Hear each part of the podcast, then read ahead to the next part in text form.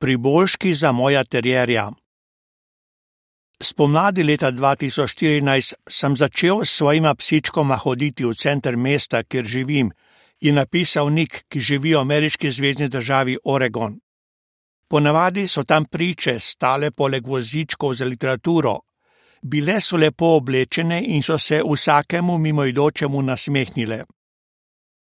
Priče pa niso bile prijazne samo do ljudi, ampak tudi do mojih psov.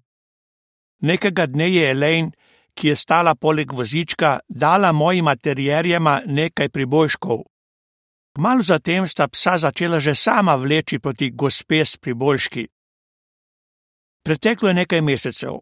Psa sta uživala v priboljških, jaz pa v kratkih pogovorih s pričami. Ampak z njimi nisem hotel govoriti preveč. Imel sem že več kot 70 let in nisem poznal njihove vere.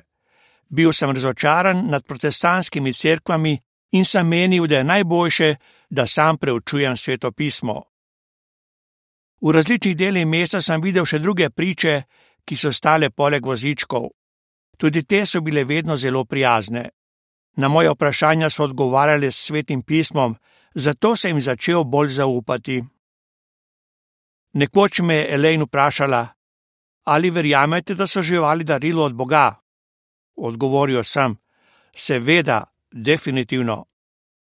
Na to mi je prebrala Izaija 11:6-9. Od takrat naprej sem želel več izvedeti svetega pisma, še vedno pa nisem vzel njihove literature. V naslednjih dneh sem užival v kratkih in zelo zanimivih pogovorih z Elaine in njenim možem Brentom.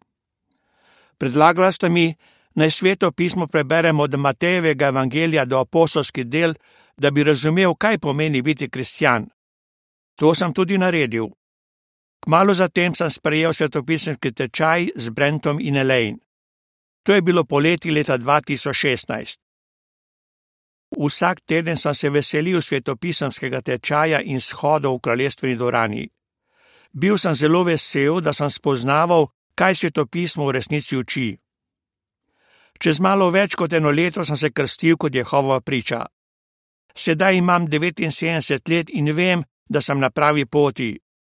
Jehova me je blagoslovil, tako da me je sprejel v svojo svetovno družino. Konec članka.